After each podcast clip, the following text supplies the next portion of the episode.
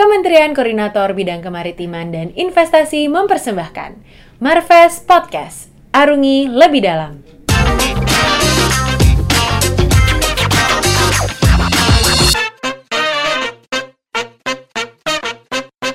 Hai, selamat datang di Marves Podcast bersama kami, uh, Andreas Dipi Patria dan saya Nostanwan Saputri. Di Marves, Presiden Joko Widodo dalam pidatonya di KTT ke-9 Asia Timur Myanmar tahun 2014 mengatakan melalui diplomasi maritim, uh, kami mengajak semua mitra-mitra Indonesia untuk bekerja sama di bidang kelautan ini.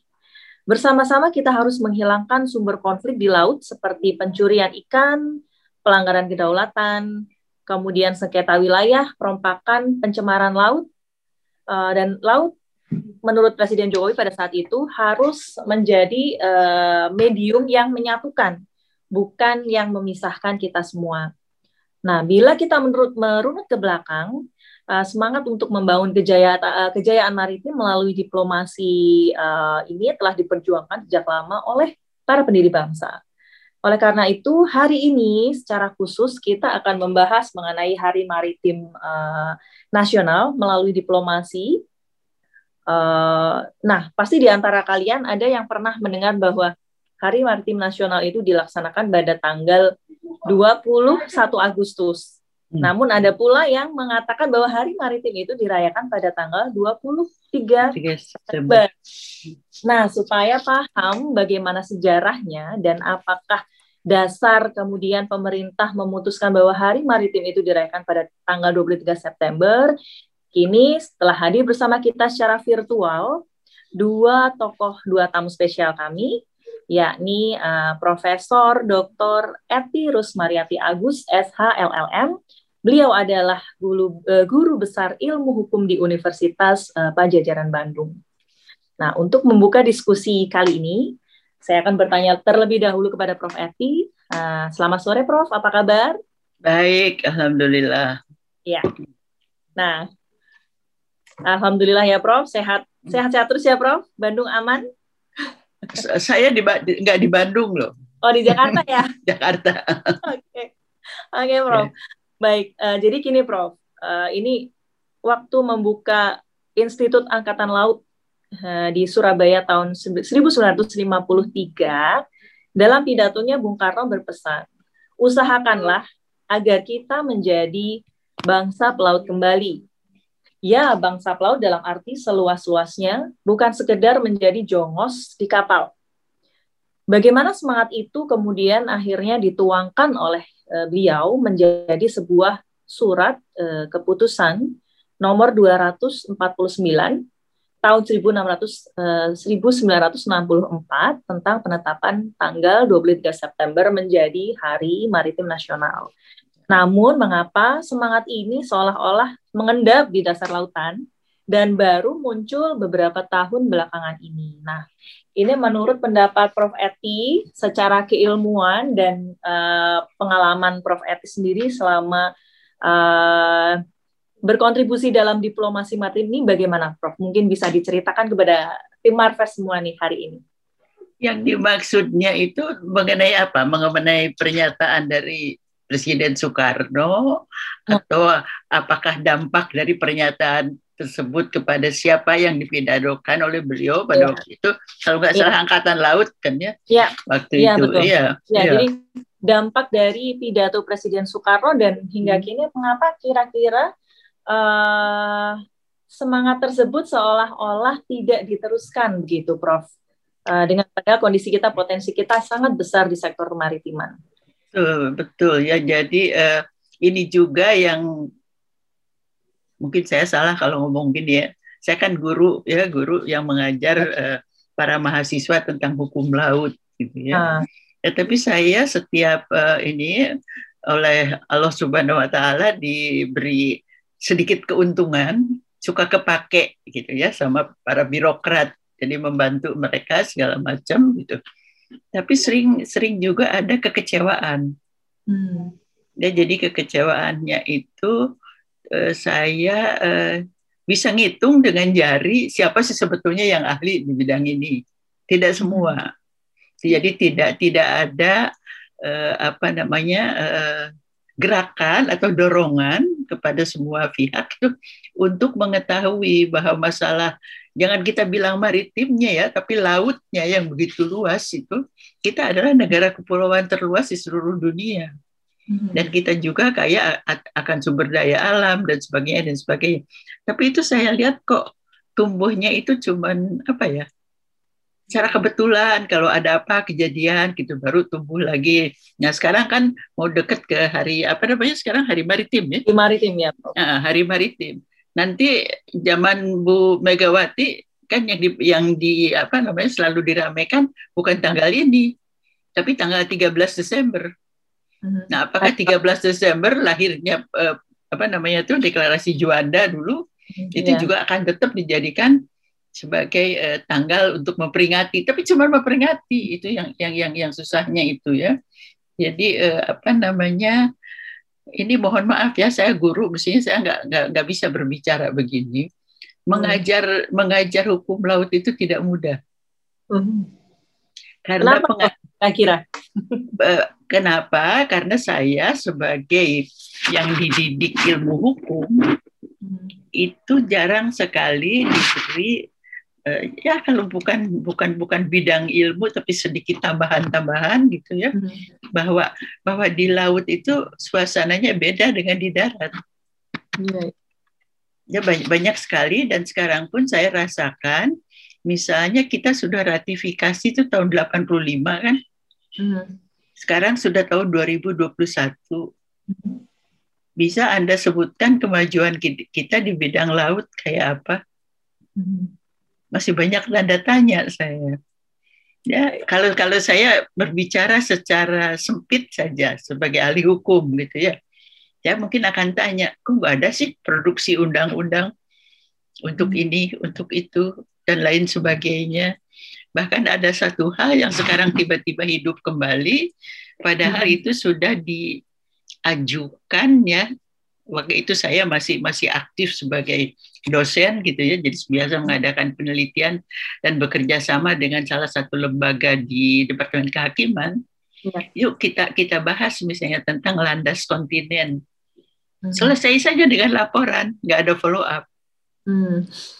nah padahal padahal hukum yang sudah kita ratifikasi memberi ya. kita hak-hak berdaulat untuk memanfaatkan itu dan sampai hari ini kenapa? Karena itu susah. Susahnya yaitu yang tadi saya bilang ya ilmu pengetahuan dan teknologi hmm. untuk mencapai itu itu tidak saja hanya apa namanya itu mungkin dari segi biaya agak ya. mahal juga, tapi dari segi ininya kemampuan pengetahuan juga. Bukannya saya eh, ini ya merendahkan kawan-kawan yang ahli di bidang itu, tetapi kurang dipakai atau bagaimana walau alam. Ya, jadi jadi banyak sekali sehingga ketika saya pernah diundang belum lama baru beberapa bulan yang lalu seorang pejabat eselon satu mungkin ya hmm. itu tinggi gitu itu berbicara tentang sesuatu yang kalau saya dosen saya hmm. bilang kamu nggak lulus salah ya, kan itu saya nggak baik kalau bicara gitu cuman saya saya bilang gini hmm. saya ini sudah pensiun pengetahuan saya agak mundur. Jadi ada diungkapkan hmm. oleh pembuka acara ini bahwa ini begitu-begitu. Rasanya dulu saya belajar nggak gitu, nanti aku cek lagi di buku. Saya bilang, padahal saya sudah yakin. Mungkin hmm. beliau itu ya sebagaimana biasanya, saya sendiri sudah kerja di berbagai departemen yang bantu gitu ya. Hmm. Itu kalau seorang pejabat tinggi mau berbicara, yang menyiapkan kan stafnya Iya, betul. Ya, staff-staffnya itu. Nah, kalau kebetulan dia punya staff yang pinter, baik, hmm. pemahamannya cukup bagus, nggak akan ada kesalahan seperti itu. Hmm. Itu itu kan jadi akan memalukan. Bahkan bahkan pernah kesalahan itu terjadi. Ini kalau kalau uh, apa tuh namanya tenaga-tenaga muda yang ikut hadir sama saya waktu itu ada seorang pejabat tinggi dari suatu departemen di dalam konferensi internasional itu menyatakan sesuatu tentang uh, apa namanya negara kepulauan mm-hmm. tidak benar. Oh, karena dia bilang dia bilang di daerah kita yang sekeliling kita negara kepulauan cuma Indonesia. Pada tetangga kita yang dekat Filipina sama. Kan kan malu ya gitu ya. Apalagi di di, di forum internasional. Saya saya oleh guru saya sering sekali diajar dengan diajak ke berbagai pertemuan internasional itu selalu diingatkan. Hmm. you listen.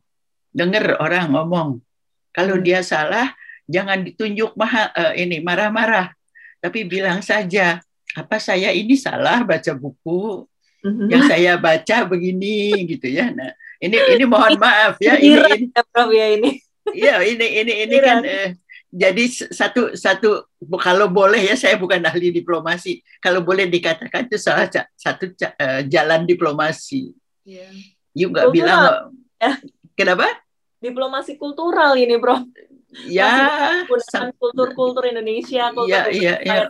kita. Ya, ya seperti itulah. Jadi jangan ini. Saya pernah gitu ada seorang delegasi dari Amerika hmm. menyatakan sesuatu yang jelas salah. Hmm. Terus saya langsung ngacung kan giliran yeah. bicara. Saya bilang kalau menurut pendapat saya yang disebutkan oleh Mister ini ini tadi itu tidak benar. Harusnya begini-begini. Langsung saya ditelepon oleh almarhum Pak Mohtar. Kamu itu orang Sunda ngomong kok keras gitu katanya. Berarti saya tidak tahu diplomasi ya saya hanya orang perguruan tinggi biasa kalau mahasiswa salah ya bilang salah gitulah ya nah ini ada ada sesama pembicara bilangnya jelas salah salah benar dan ternyata ketika saya cek dia itu bukan ahli hukum jadi nggak ngerti hmm. ketentuan yang ada di situ itu ya nah hal-hal seperti itu itulah yang karena anda sekarang temanya ini diplomasi yeah. nah jadi diplomasi itu saya coba cari definisi diplomasi auzubillah lain-lain banyak sekali. banyak sekali. Iya. Uh, baik, Prof. Okay. Kalau dari dari berkaca dari pengalaman uh, Prof Eti sendiri nih uh, tanpa mungkin uh, tanpa merujuk ke satu teori diplomasi tertentu nih Prof.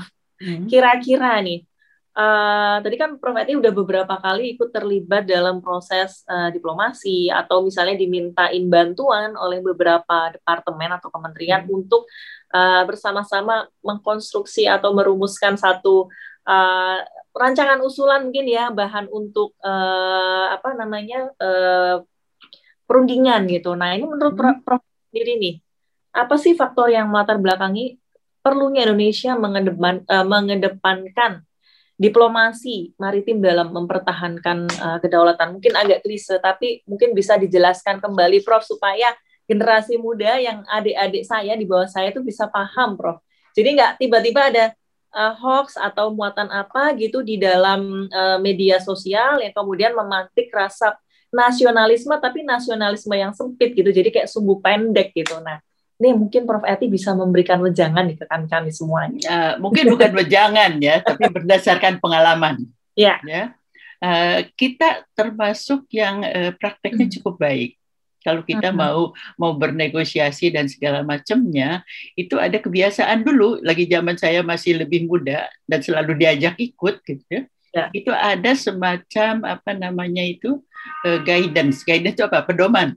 Ya. Ya Nah, pedoman itu disusun bersama. Uh-huh. Disusun bersama. Jadi kalau nanti isunya tentang ini, kedudukan Indonesia adalah seperti ini. Ya. Enggak sampai dididik bahasanya harus begini, kalimatnya harus begitu, ya. enggak. Tapi hanya poin-poinnya dikatakan kedudukan kita adalah begini. Nanti untuk isu yang ini kedudukan kita gitu. Nah, lalu yang harus hmm. kita perjuangkan jangan sampai kalah misalnya ya ini adalah satu dua atau cuma satu terserah gitu ya. Nah itu itu bagus sekali ada. Nah saya punya pengalaman pernah bekerja pada suatu institusi yang baru dibuat ya. Jadi tidak ada pengalaman seperti itu atau hmm. sebuah yang sedang menjabat di uh, institusi tersebut belum punya pengalaman ketika akan mengadakan suatu perundingan negosiasi hmm itu tidak ada itu eh, apa namanya ya istilahnya itu bukan batasan tapi uh, pedoman lah yang seperti saya hmm. katakan hmm. tadi ya hmm. jadi harus tahu gitu bagaimana nah ada yang agak memalukan buat saya hmm. karena biar jelek-jelek saya jadi saya biar biar biar uh, apa saya bukan bukan pejabat gitu ya di, di birokrat gitu di lembaga birokrat hanya bantu-bantu tapi saya jadi belajar bagaimana ya. saya harus harus harus bertindak dan sebagainya nah ini ada seorang kawan mungkin beliau merasa dirinya pandai gitu. Hmm. jadi seorang eh, apa namanya pihak dari yang akan kita negosiasi ya. bicara tiba-tiba dia ngacung saya mau ngomong itu tidak ada di dalam negosiasi seperti itu. Mm-hmm. Ya bi biasanya kepala atau ketua delegasi itu ya Prof harus uh, semua semua pihak yang terlibat itu ketika akan pergi nanti akan runding siapa yang berani okay. mengajukan ini ini ini ya. dan punya punya apa namanya uh, dasar pengetahuan yang cukup gitu loh ya hmm. sehingga kalau ada pertanyaan ini itu anda bisa menjawab dengan baik Ya. Nah, nanti ditentukan si ini, si itu gitu ya. Uh. Nah, caranya gimana? Saya kan seorang dari lembaga pendidikan. Ya. Tidak pernah diajakkan kalau kalau kalau itu menjadi anggota delegasi, tetapi harus ikut. Ya, ya. Nah, nanti biasanya di belakang gitu. Ini mohon maaf nih ya, main-main uh, jokes lah. Biasanya kalau saya mau bicara si bapak ini lagi ngomong, tapi hmm. ada salahnya gimana ya gitu. Nggak bisa tulis di kertas terus dimasukin gitu ya jadi yeah, iya. paling-paling sepatu saya saya bunyiin ke kaki kursinya. Jadi kan nggak yang yang yang ikut negosiasi nggak lihat tindakan saya kan karena itu sepatu saya gitu.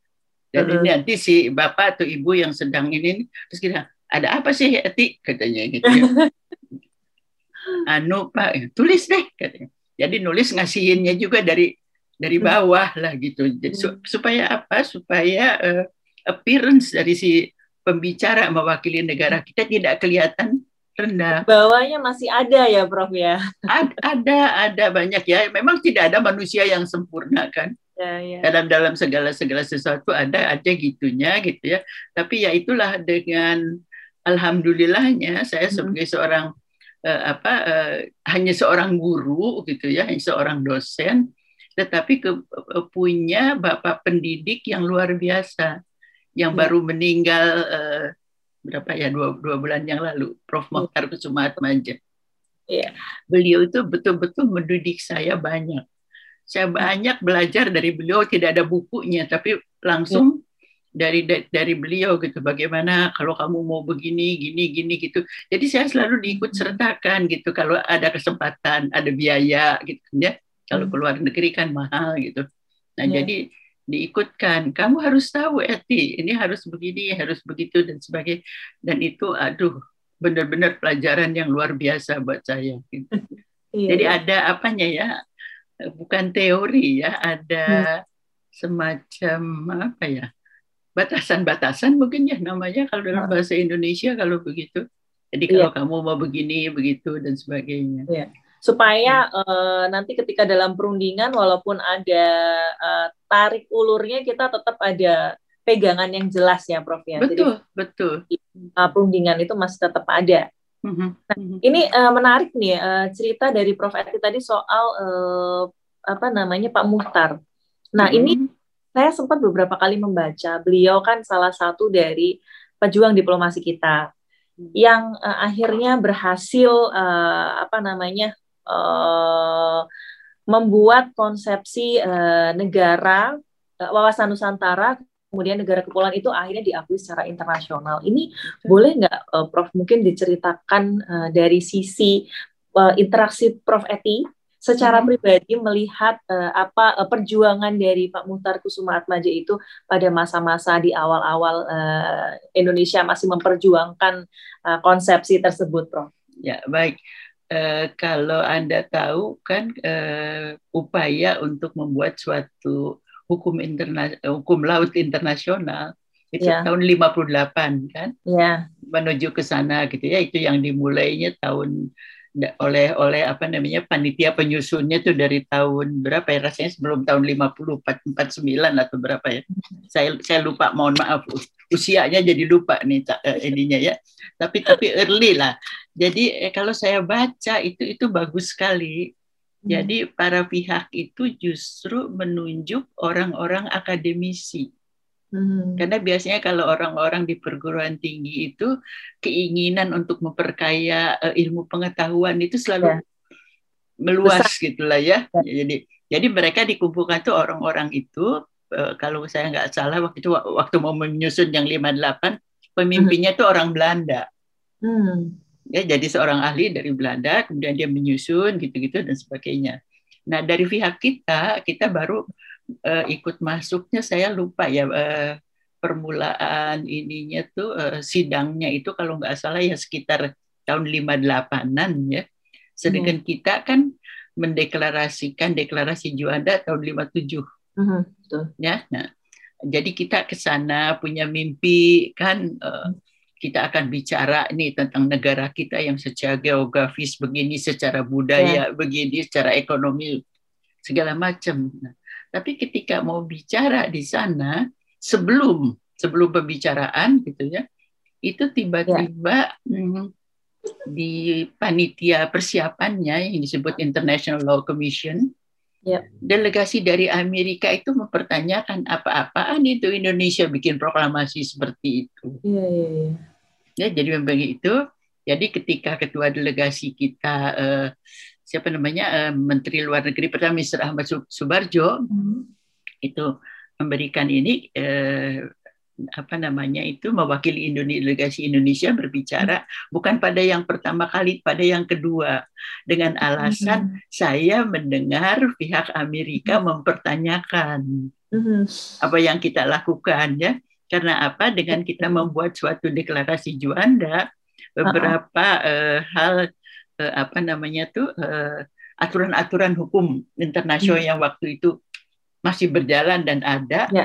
itu Indonesia tidak sesuai karena hmm. kita membuat suatu uh, apa namanya tuh uh, kalau kalau para ahli menyebutnya itu suatu uh, compulsory necessity hmm. keperluan yang hmm. benar-benar perlu gitu ya. ya karena kita kondisinya beda kan. Misalnya satu gitu ya, ini kalau ada anak muda mudah-mudahan bisa nangkep nih. Hmm. pengertian kepulauan arkipelago hmm. itu ya ada yang mendefinisikannya adalah suatu kelompok pulau-pulau uh-huh. yang dihubungkan dengan perairan. Uh-huh.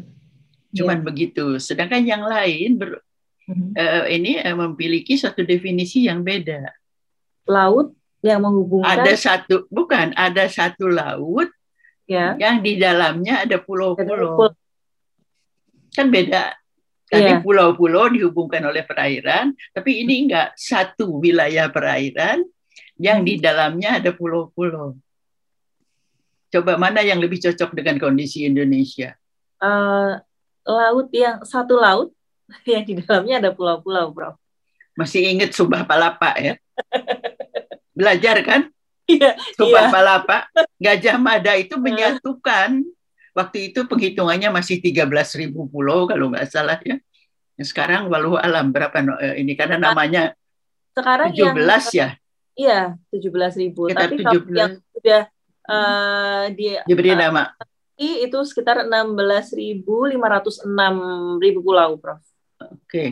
Nah itu itu pada pada pada waktu uh, Gajah Mada aja itu tahun berapa kan 8 18-an kali ya, ya bukan ya. 19 ya mereka sudah punya di dalam keyakinannya bahwa hmm. sekian belas ribu pulau itu adalah satu kesatuan satu negara. Hmm.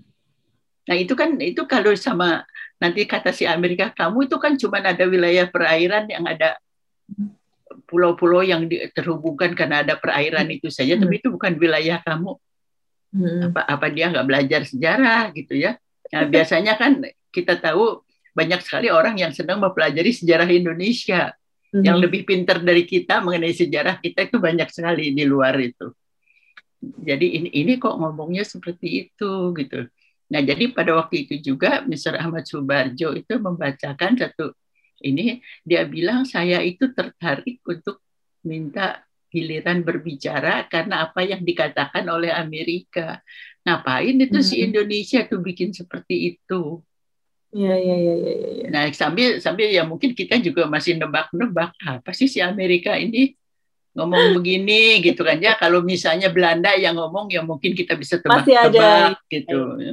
Ada Jadi itulah itu, itu itulah ininya ya eh, di awalnya. Mm-hmm. Jadi ini ada sesuatu yang mungkin kurang banyak ditulis, tapi saya kebetulan karena saya muridnya Pak Mohtar dari dulu tuh kertas putih apa pun yang dikumpulin sama Pak Mohtar suruh diberesin, saya suka ikut baca gitu lah ya.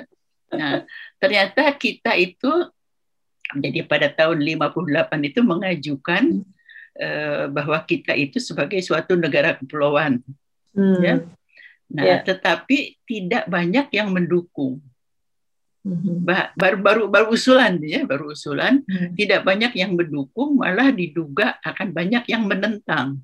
Hmm. Nah, dalam suatu sidang di konferensi PBB, kalau ada sesuatu yang diusulkan oleh satu negara atau apa pun gitu ya, hmm. kemudian ditentang, itu akan hmm. dicabut. Hmm. Jadi usulannya tidak usulannya ada. Dicabut, diterima. Ya, gitu. Nah, apa yang dilakukan oleh Indonesia pinter. Mereka sudah sudah pada waktu itu delegasi kita sudah bisa menduga, wah ini nanti hmm. bisa hilang hmm. dari perkembangan uh, hukum laut ya, apalagi hmm. pembentukan negara kepulauan sebagai suatu uh, apa namanya itu uh, undang-undang baru ya, Prof itu ya. Itu Kenapa? Baru.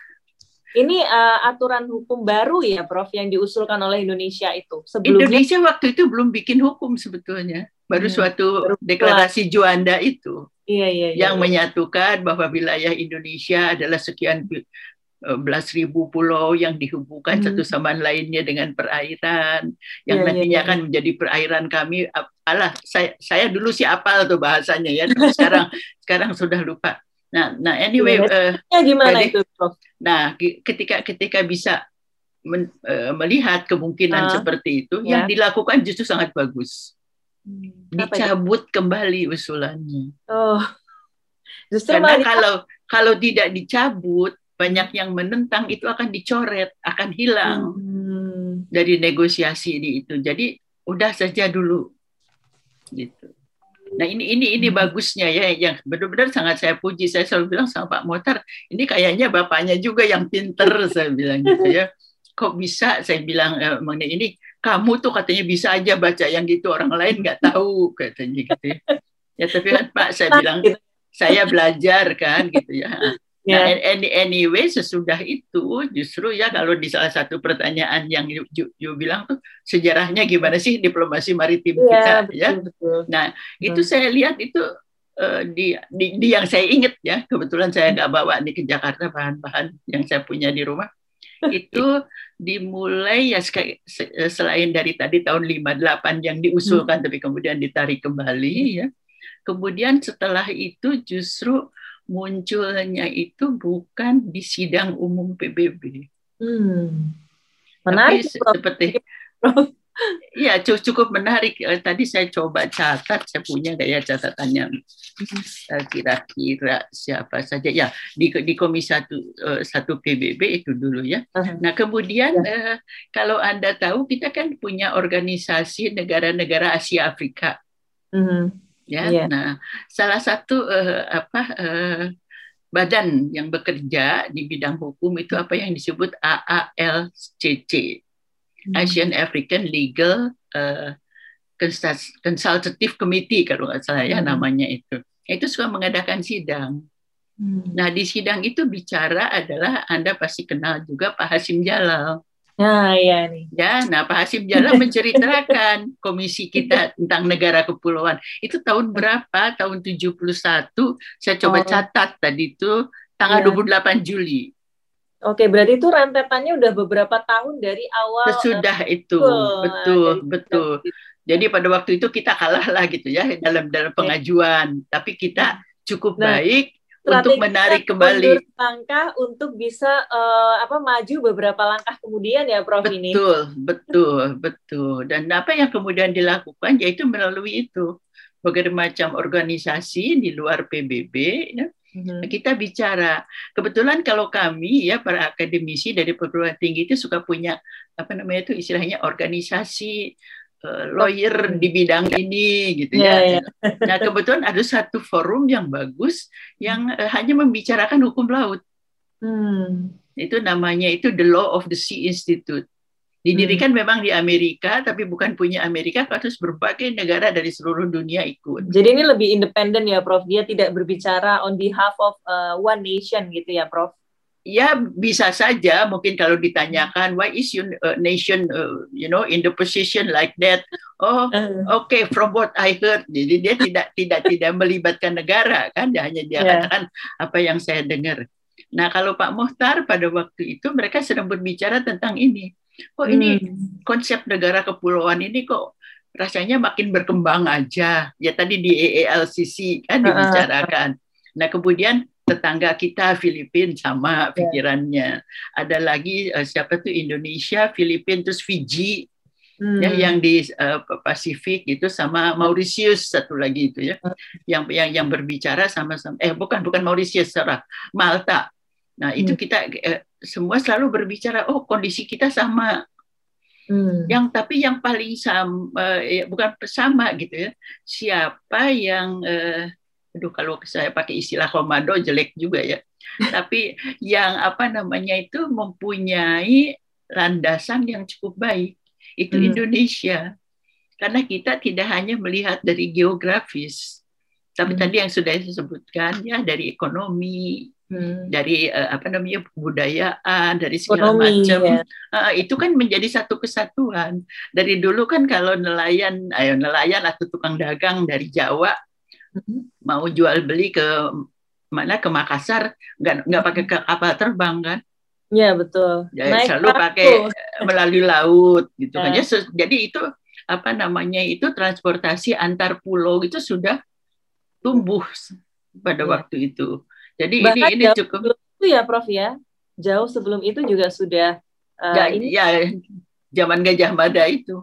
Ah, ya, ya, ya, sudah ya. sudah sudah tumbuh juga. Jadi jadi itu satu ini juga. Jadi nah yang saya ingat kebetulan hmm. saya kan nulis disertasi ya.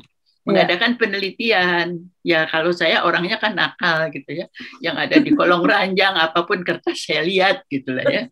Nah ini kebetulan saya uh, dapat apa namanya beasiswa untuk ya. uh, melakukan pengumpulan bahan itu di Belanda gitu ya. Wah. Nah di sana kan uh, apa namanya kepustakaannya lebih lebih iya, bagus ya, lebih lah dari kita. Um, jadi saya cari cari cari yaitu ada pertemuan dari Law of the Sea.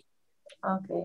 Institut tadi. Jadi ini ini lanjutan dari yang uh, sesudah Pak Hashim. Oke. Okay. Sudah Pak Asim. Nah, Pak Mohtar itu di sana membicarakannya dengan judulnya tuh Aduh, saya lupa uh, ya judulnya tuh. Ya. Pokoknya tentang tentang negara kepulauan. Ya, uh, Prof Eti, mohon izin sebentar, Prof. Ini rupanya Pak Dubes Hafaz sudah bergabung sudah pada. Oke, silakan.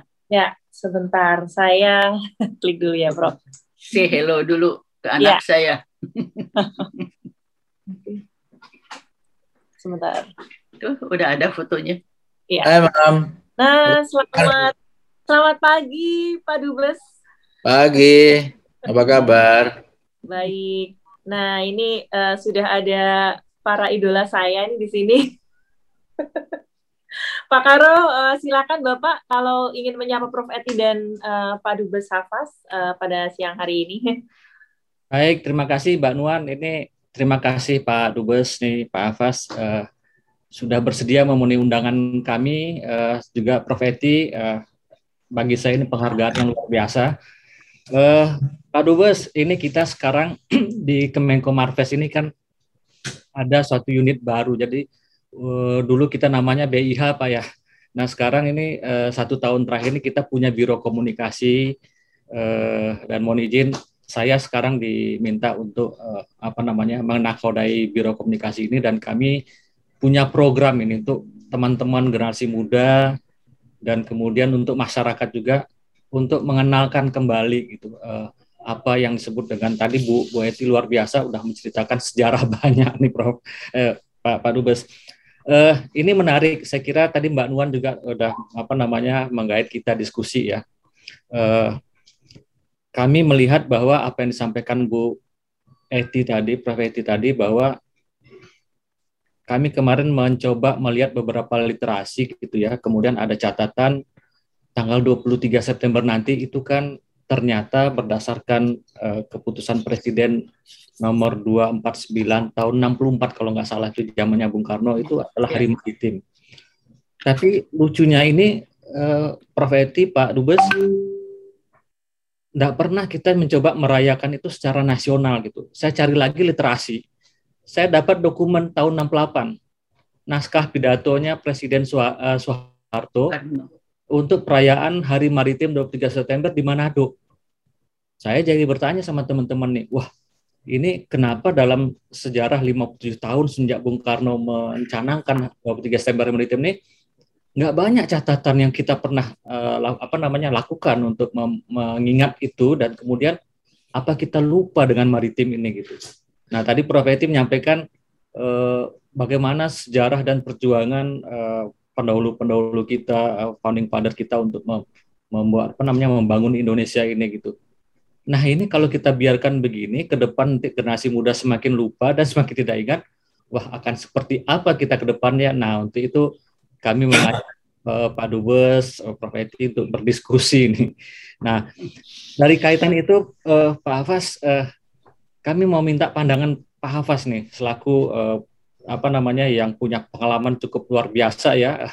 Mungkin uh, Prof itu tahu bagaimana sepak terjang beliau langsung di lapangan tuh berjuang bagaimana menegosiasikan uh, Indonesia ini uh, dengan berbagai macam uh, apa namanya uh, mitra atau atau atau uh, negara mitra yang menjadi teman negosiasi kita atau mitra negosiasi kita.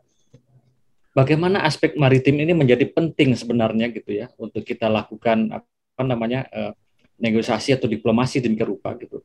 Karena tadi Prof. Eti ceritakan juga bahwa bagaimana Prof. Mutar Kusumat Baja berjuang untuk menjaga kedaulatan kita ini. Nah, menurut pandangan uh, Pak Dubes sendiri, ini seperti apa nih kita melihat ini? Pertama, satu hal tadi bahwa kita banyak lupanya nih tentang kemaritiman. Yang kedua, kita pengen tahu nih sejauh mana nanti masyarakat kita kenal nih Eh, dengan diplomasi maritim nih. Ini pandangan awal dulu nih, uh, Pak Dubes nih, gimana nih kalau kondisi seperti ini uh, masih terjadi ke depannya itu? Ya, makasih uh, Pak Karo, uh, Prof. Eti. How are you, Mom? Everything is okay? Oke, oke. Sebenarnya masalah kemaritiman bagi Indonesia itu, kalau menurut saya nggak penting ya. Uh, tapi itu gimana ya? Bukan penting lagi. Jadi gimana ya? Lebih mendasar daripada penting gitu. Karena kalau penting itu kan oke okay, ini prioritas ini penting gitu ya. Tapi kalau kemaritiman itu kan kita tanah air sumpah pemuda. Itu uh, keharusan gitu itu embedded itu uh, ya itu misalnya analoginya itu kalau ya manusia itu harus bernafas full stop gitu. Jadi kalau dikatakan bernafas penting ya ya ya, ya enggak ya penting tapi kan as human being we have to breathe kan begitu. As Indonesian ya we live dalam tanah dan air dan seharusnya itu menjadi bagian dari kehidupan kita sehari-hari, menjadi cara pandang kita sebagai bangsa ya kan, menjadi suatu cara Indonesia itu melihat uh, dunia gitu. Uh, bangsa laut itu bangsa yang tidak introvert, bangsa yang tidak melihat ke dalam gitu kan.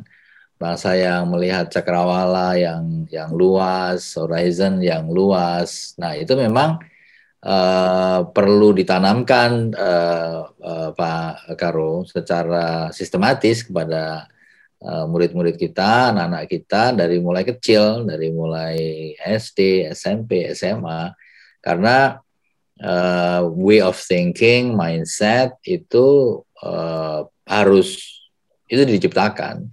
Itu tidak terus tiba-tiba dia bisa punya mindset kelautan maritim enggak. Karena contohnya nih ya, um, dari Gunung Merapi yang masih bisa kita naikin itu kan nggak jauh ya dari Jogja.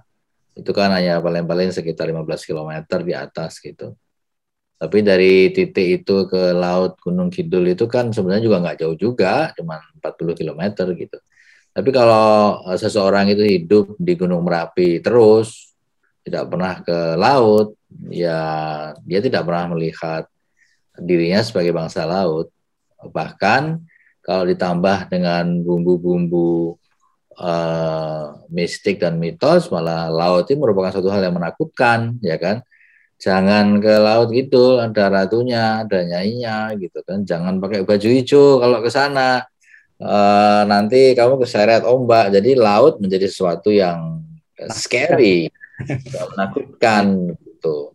Saya ingat waktu dulu dengan Pak Safri, kita mengirimkan 550 anak-anak SMA uh, yang pinter-pinter sejabodetabek. Naik uh, kapal dari Jakarta ke Babel kalau nggak salah waktu itu. Tahun berapa ya? Tahun 2016 17 kalau nggak salah. 16 2016 Pak. 16 ya ya.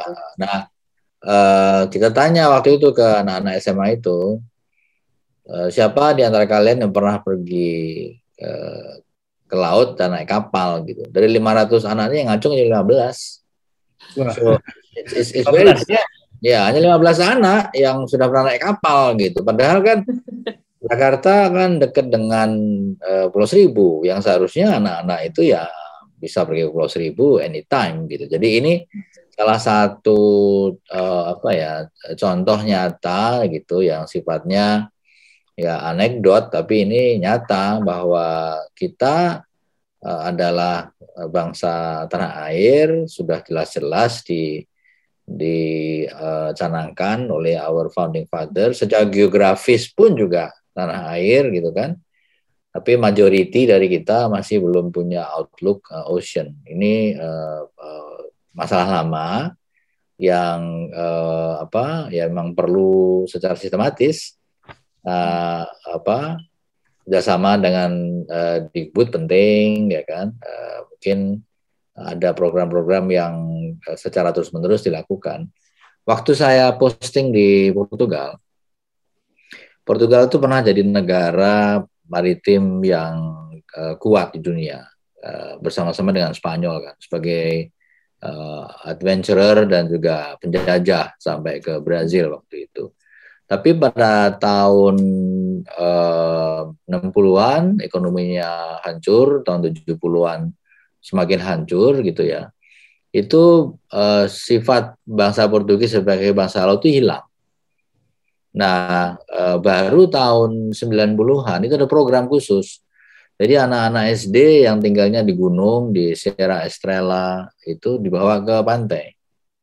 Itu berkala eh, sebulan sekali diajak ke pantai. Jadi mereka di, dikenalkan lagi dengan kehidupan eh, laut dengan kehidupan ocean gitu. Kita kan eh, belum memiliki yang seperti itu ya. Jadi itu bisa sebenarnya di di apa namanya bisa dikembangkan lagi gitu. Karena pada tingkat uh, intelektual sekarang ini terus terang aja. Mungkin uh, uh, Prof. Eti my mother can tell us bahwa nggak ada anak sekarang mau belajar hukum laut. Susah kompleks gitu kan. Dan nggak ada duitnya. Gitu. kalau masuk fakultas hukum ya perdata corporate law ya kan. Jadi uh, this is another another problem that we are facing nah intellectuals on law of the sea ya is getting less and less gitu. Uh, uh, Pak Asim, uh, Pak Pak Muhtar udah nggak ada, Pak Asim udah almost 90, Prof Eti juga udah pensiun gitu. I will be retiring soon also, you know. I need to get some money, Prof. nah, jadi kampus apa namanya? Di kampus juga ada yang punya passion. Karena hukum laut itu passion ya. Dia itu tidak uh, apa ya uh, it, it, it it has to go beyond uh, just normal academic work gitu. Karena hmm. kalau ada passion uh, law of the sea itu ya susah gitu. Karena memang it's it's not easy akumulasi ilmunya itu lama sekali ya baru paham nanti kaitannya antara chapter ini chapter itu dan segala macam tapi anyway Jadi memang uh, ini apa namanya satu uh, PR besar kita, ya kan. Nah, mungkin kalau kita bisa tarik tadi dari ceritanya uh, apa uh, Prof. Eti mengenai apa uh, mengenai sejarah ya kita berjuang gitu ya uh, dalam memperjuangkan konsep negara kepulauan menjadi prinsip hukum negara kepulauan. Sekarang ini uh, kita perjuangannya memang masih ada yang tradisional masalah perbatasan begitu, tapi juga ada yang yang penting juga yang diatur dalam konvensi hukum laut jadi lingkungan hidup. Kerusakan lingkungan hidup ya kan? Dan uh, kerusakan coral reef misalnya kerusakan mangrove lalu polusi plastik ya kan? Kemudian masalah resources sumber daya uh, hayati ikan yang semakin lama semakin habis.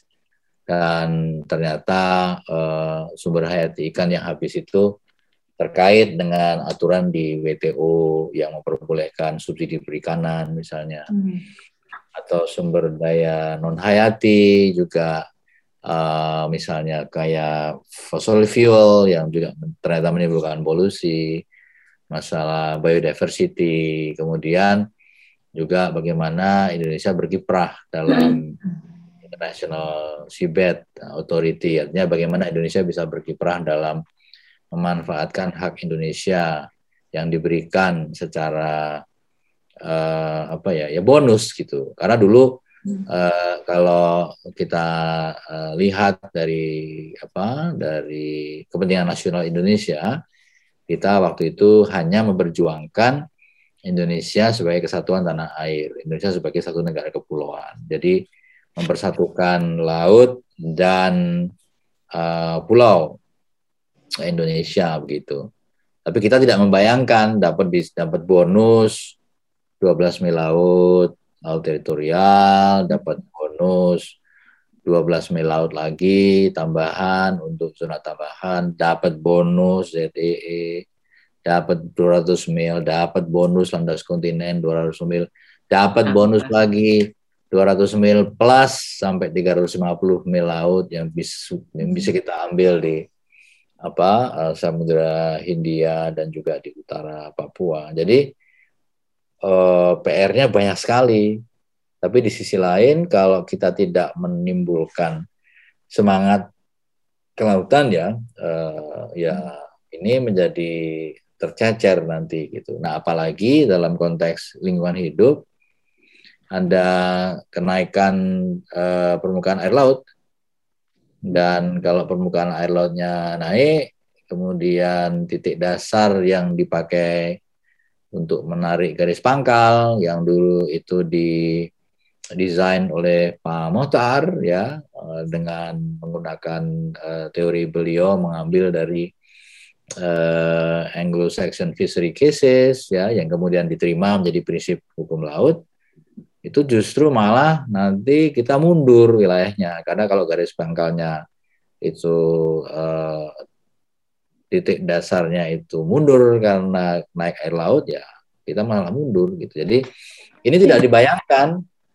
pada waktu penuningan tahun 60 tahun 70 tahun 80 begitu. Jadi Uh, to cut the long story short, saya rasa uh, hari maritim kita ini perlu uh, diberikan satu program-program yang apa ya, yang konkret ya, dan terus menerus pada tingkat yang basic kalau menurut saya, pada tingkat SD dan SMP yang basic, karena we have to invest to our kids tingkat SD dan SMP menurut saya. SMA udah udah ya bisa, tapi I'm not so sure uh, apa uh, kita lebih baik invest di tingkat SD dan SMP.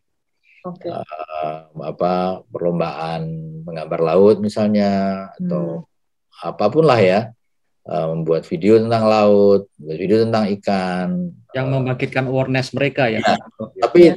you go to the level SD, SMP, SMA sudah banyak main game dia, pengaruh. Ya. Uh, menarik nih Pak Fas, saya jadi ingat beberapa waktu yang lalu nih Pak, anak saya yang kelas uh, 5 SD itu ada pelajaran uh, IPS. Di situ dia ditanyakan apa keuntungan Indonesia sebagai negara kemari, uh, negara maritim. Nah, uh, di situ uh, tapi gurunya itu tidak atau di dalam uh, konteks uh, konseptualnya tuh belum diperkenalkan apa sih uh, sebetulnya negara maritim, negara kepulauan itu belum ada uh, Pak Hafaz nih. Apa menurut Bapak nih uh, kira-kira apa sih yang perlu ditambahkan mungkin uh, muatan apa yang perlu ditambahkan untuk anak-anak uh, SD sehingga mereka akhirnya bisa paham bahwa konsep-konsep mengenai kemaritiman kepulauan seperti itu, Pak.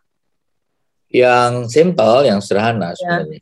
Ya, uh, jadi hal yang sederhana bahwa Indonesia itu uh, negara uh, tanah air ya di airnya di lautnya ada apa aja sih gitu kan?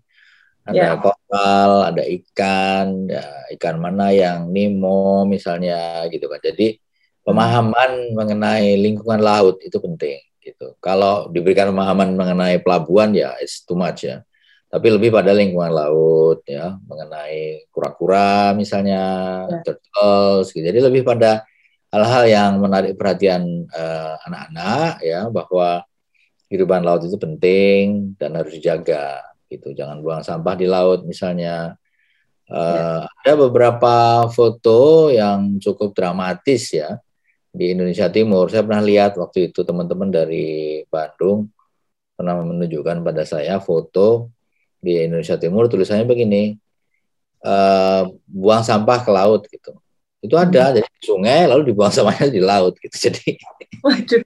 ya ya ya ya gimana ya gitu kan kemudian eh, apa mungkin eh, kabupaten-kabupaten yang di pinggir laut misalnya ya harus punya hmm. satu ini apa apa passion yang sendiri itu not easy I know karena hmm. saya ingat sekali itu uh, Bayangin ya Profeti tahun 2016 Mam, saya pergi ke Labuan Bajo. Kita kan ribut mengenai masalah marine plastic debris kan. Yeah. Waktu itu tuh tahun 2016 yang namanya Labuan Bajo tidak punya dinas dinas sampah. Hmm. Can you believe that? tidak punya dinas sampah gitu. And probably until today Raja Ampat itu tidak punya dinas sampah uh, correct me if I'm wrong. Jadi saya tanya, lalu siapa yang take care hotel katanya? Jadi hotel-hotel itu runan bayar orang untuk membersihkan sampah-sampah yang ada di sekitar Raja Ampat. So it's not kabupaten dan ini di Raja Ampat. So it's uh, you know very interesting. Jadi artinya lots and lots of work gitu untuk benar-benar menjadikan kita tuh sadar bahwa we are the nation of uh, ocean. Ya hmm. kalau nggak bisa semua ya at least I don't know 50% lah. 50% itu udah cukup banyak ya. Hmm. Karena kita kan banyak, banyak ya kita banyak pesisir kan. Tapi itu we start that passion ya kan lingkungan uh, laut and then uh, when they grow up as SMP this passion remains. Uh, some mungkin do something else tapi I would say some others uh, pada saat besar mungkin ingin jadi marine biologist, ya ingin belajar hmm. hukum laut. Jadi hmm. we invest uh, ke anak-anak gitu kalau menurut saya. Ini menarik nih Pak Dubes. Uh, tadi dikatakan bahwa apa Labuan Bajo itu nggak punya apa namanya sampah gitu ya. Hmm. Saya malah berpikirnya melihat dua nih. Pertama, karena kita tidak aware, atau yang kedua kita nggak punya knowledge ya tentang mengelola itu. Nah ini kaitannya dengan ini ada ironis baru lagi nih yang saya coba apa namanya saya dapatkan nih Pak Dubes. Ini di Jerman juga. Eh, di Jerman itu kan ada University of Bremen ya.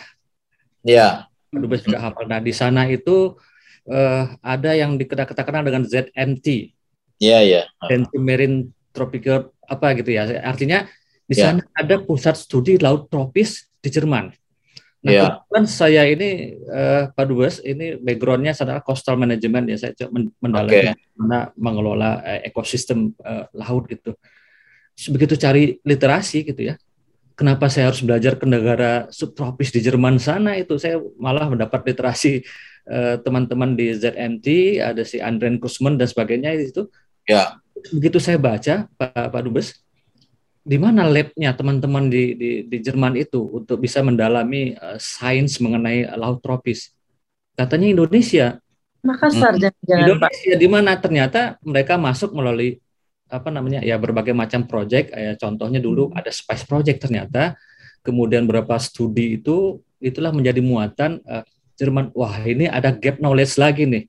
Antara Jerman yang tempatnya jauh dan kita yang tinggal di depan rumah nggak punya knowledge-nya ini nah ini Ya. gimana nih ironi ini Pak Pak Dubes melihatnya, eh, jadi tantangan untuk kita ini Ya, karena itu lagi eh, apa namanya eh, passion untuk eh, passion for oceans itu not enough. Sehingga eh, pada level intelektual tadi saya sampaikan ke kita semua diskusi kan. Jadi pada level SD, SMP, SMA, at even at intellectual levels itu eh, tidak maksimal begitu. Padahal kan eh, sebenarnya itu bisa di di develop eh, di universitas masing-masing atau di di lembaga nasional gitu ya. LIPI, LIPI itu bagus. Dia merupakan pengampu data koral dan juga pengampu data eh, hal-hal yang terkait dengan masalah mangrove misalnya. Bagus. Um, LIPI eh, strong in life science-nya untuk ocean, benar gitu. Eh, dan the question adalah bagaimana universitas lain di Indonesia kan begitu. Saya dulu pernah menyampaikan gagasan eh, apa namanya maritime cluster di dalam kampus dalam universitas. Jadi eh, kalau misalnya di satu universitas gitu ya tempat tempat saya di Undip dulu misalnya.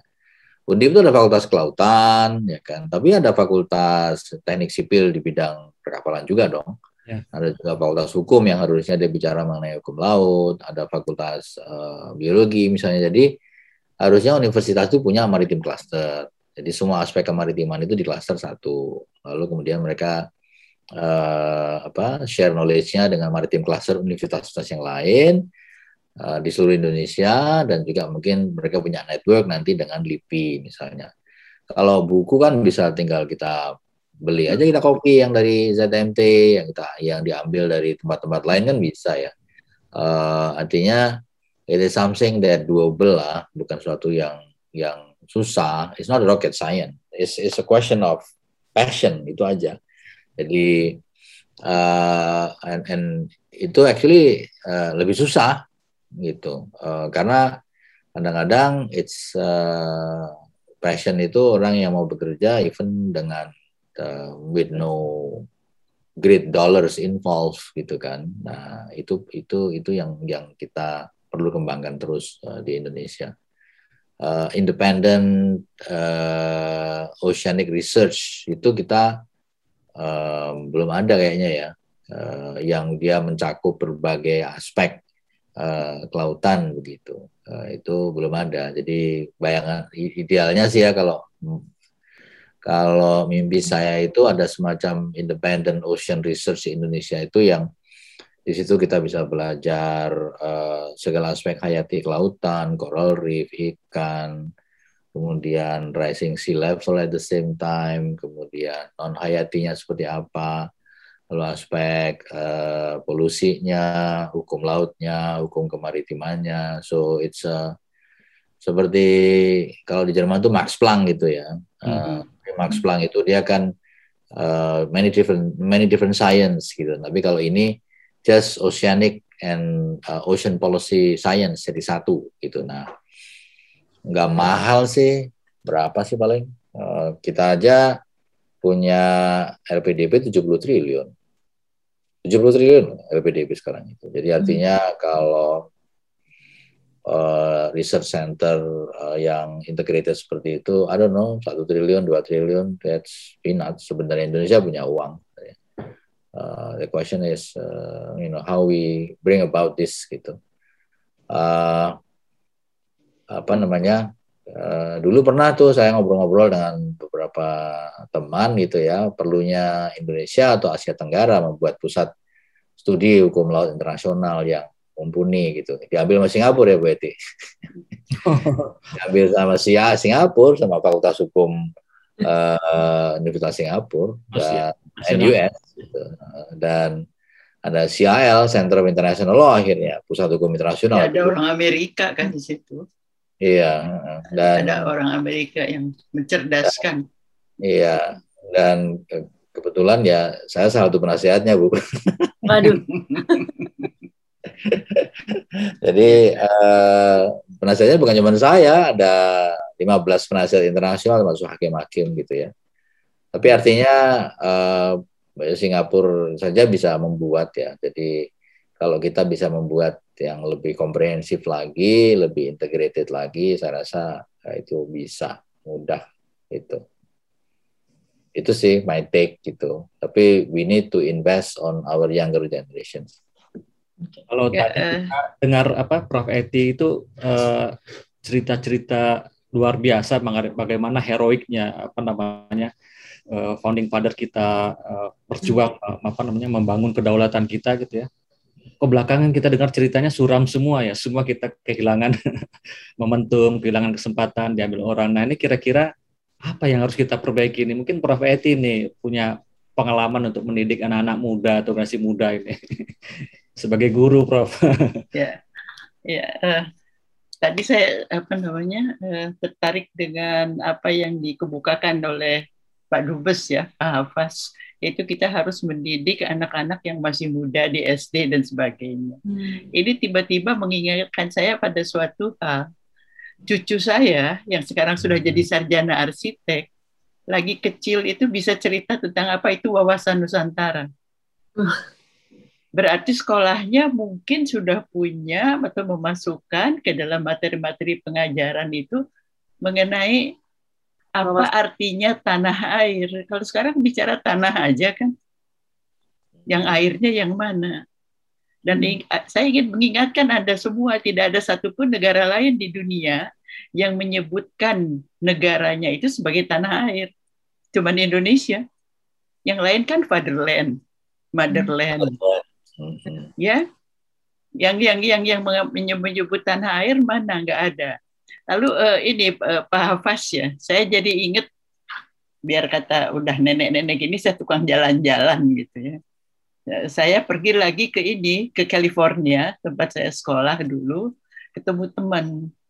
Lalu dia bilang e, you mau mau mau ngapain? katanya. Mau nggak jalan dengan saya dan anak saya lalu saya tanya ke mana oh we'll go to the mountain katanya and then we'll hmm. we'll learn about the river dan segala macam ternyata apa itu jadi anak-anak SD itu dibimbing oleh para mahasiswa untuk mengetahui ada jenis ikan yang hidup di sungai dan nanti kalau sudah dewasa harus ke laut. Hmm. Ya, apa salmon ya kalau nggak salah. Ya, salmon ya, Hmm. Betul. Salmon, salmon ya. Nanti bayar lagi deh, langsung nah, lagi. Nah, itu itu jadi ketika dia baru tumbuh, lahir itu jadi di mata air di gunung itu ya yang ada yang ada sumber mata air. Jadi si anak-anak kecil ini diajak oleh para mahasiswa itu sambil jalan ke sana itu mengenal lingkungan hidup. Lihat sinar matahari itu ke mana, kenapa dia faktanya gitu sampai ke sungai. Itu katanya ada ada ikan, kan ada many fish, terus senang mereka. Hmm. Dan ini kan mainan yang nggak ada di rumah kan. Ya. Kalau kalau ikan seperti ikannya hidup gitu. Eh, tapi mereka diajarin bahwa ikan ini tidak bisa dewasa kalau tidak di air laut. Hmm. Jadi di darat itu di, di, seolah-olah si ikan ini diajarin kehidupannya untuk membiasakan dia nantinya akan ke laut. Jadi bawa, bawa air laut di ember apa segala macam hanya mengenalkan sifatnya yang apa namanya beda itu. Itu anak-anak masih SD. Yang kedua yang saya lihat di Australia anak taman kanak-kanak itu ada mainan di halaman sekolahnya semacam kolam yang sifatnya kayak laut. Jadi hmm. ada batu koral ya segala macam jenis-jenis ikan yang masih kecil dan mereka diperkenalkan that is from the sea. That is from the marine area. Jadi mereka boleh kenal. Nah mungkin ada baiknya kalau kita begitu. Begini Pak Hafaz, saya dengar ya, saya tidak tahu nih uh, departemen mana di Pangandaran kalau nggak salah itu mendirikan suatu lembaga penelitian yang gedungnya besar sekali. Ada orangnya nggak Bu? Ada, Pak. Tapi adanya ya gitulah macam-macam apa di lab gitu. Ah, Kayak di lab gitu. Cuman si, si gedungnya itu udah, cukup besar. Jadi saya pikir ya kalau tadi Pak Hafaz ingin mendirikan satu eh, lembaga yang cukup baik gitu ya untuk eh, Andreas bilang saya. who- who- who- whoever gitu yang mau itu ya dilihat yang gitu satu lagi saya nggak tahu eh, di sini gak ada orang KKP ya dulu KKP itu punya Yes, Prof. eh, dulu eh, KKP itu punya satu lembaga penelitian somewhere di Bali itu Mhm. yang cukup luas juga nggak tahu masih hidup apa enggak Jadi pub mungkin. ya jadi jadi cerita cerita apa sih itu saya pernah ngomong sama teman-teman di ITB anak-anak yang biolog coba kamu saya bilang bikin ini kegiatan-kegiatan kan suka pengen bikin eh, apa namanya eh, keaktifan mahasiswa di bidang kehidupan masyarakat. Ajak tuh anak-anak teman anak-anak untuk mengenal ikan. Kalau belum mau ke laut ya dari dari kolam dari mana kan nggak semua orang tahu tuh ikan apa aja yang ada di kolam kita dan segala macam gitu ya. Nah, jadi mengenal mengenal dunianya itu sekelilingnya. Nah, tadi saya pakai itunya bahasa apa namanya? Bahasa eh, kayaknya lah, tanah air gitu. Nah, Hmm. Air belum pernah diceritakan. Tapi saya dulu senang ketika si cucu saya ini bisa cerita apa itu wawasan Nusantara. Itu perluasan wilayah kita. Wah, ini gini, gini, dimulai dari Gajah Mada segala itu. Jadi rupanya si apa namanya sekolah itu eh, ada eh, apa namanya gurunya yang cukup punya pengetahuan tentang ini. Jadi bagus sekali. Tapi seperti yang dikatakan tadi oleh Pak Dubes ini, saya juga sedih. Hukum laut itu kayaknya makin mati tuh. Tidak tidak semua fakultas hukum itu mungkin saya salah ya karena saya sekarang sudah pensiun yang melahirkan eh, orang-orang yang menulis hukum laut dengan baik gitu. Hmm. Penulisan banyak, auzubillah, penulisan banyak. Tapi ketika saya baca, lah ini kan yang dasar aja beberapa maritime zone yang harus diketahui oleh orang-orang yang eh, belajar hukum laut. Tapi ini kok dia salah. Seperti ada yang bicara bahwa apa di international seabed area kita punya kedaulatan. Hmm. Jangan marah, Pas. Jadi berarti kita nih bodoh nih. Ya, yang, yang seharusnya kita kita bisa memperluas pengetahuan mereka ya seperti itu gitu loh ya. Jangan jangan bicara di eh, lembaga-lembaga yang mungkin eh, interestnya ke laut sedikit gitu ya. Tapi yang interestnya tinggi ke laut juga coba anda tanya lah, ada nggak yang tahu betul apa? Misalnya saja eh, kalau di bidang perikanan antara eh, apa namanya itu eh, pengertian konservasi. Conserving itu apa? Oh katanya melarang orang untuk tidak menangkap ikan di daerah itu. Saya kan jadi jadi sedih betul dengernya gitu. Padahal beliau ya pejabat yang cukup tinggi seharusnya punya pengetahuan tentang itu kalau dia emang eh, apa namanya bertanggung jawab untuk bidang itu. Nah ini yang susahnya nih. Nggak tahu nih kalau Pak Hafaz mau pensiun nanti menjadi rektor Universitas Kelautan. Nah ini kata, perlu. kata kuncinya Prof Eti, passion tadi nih, passion tadi. Jadi saya menarik tadi.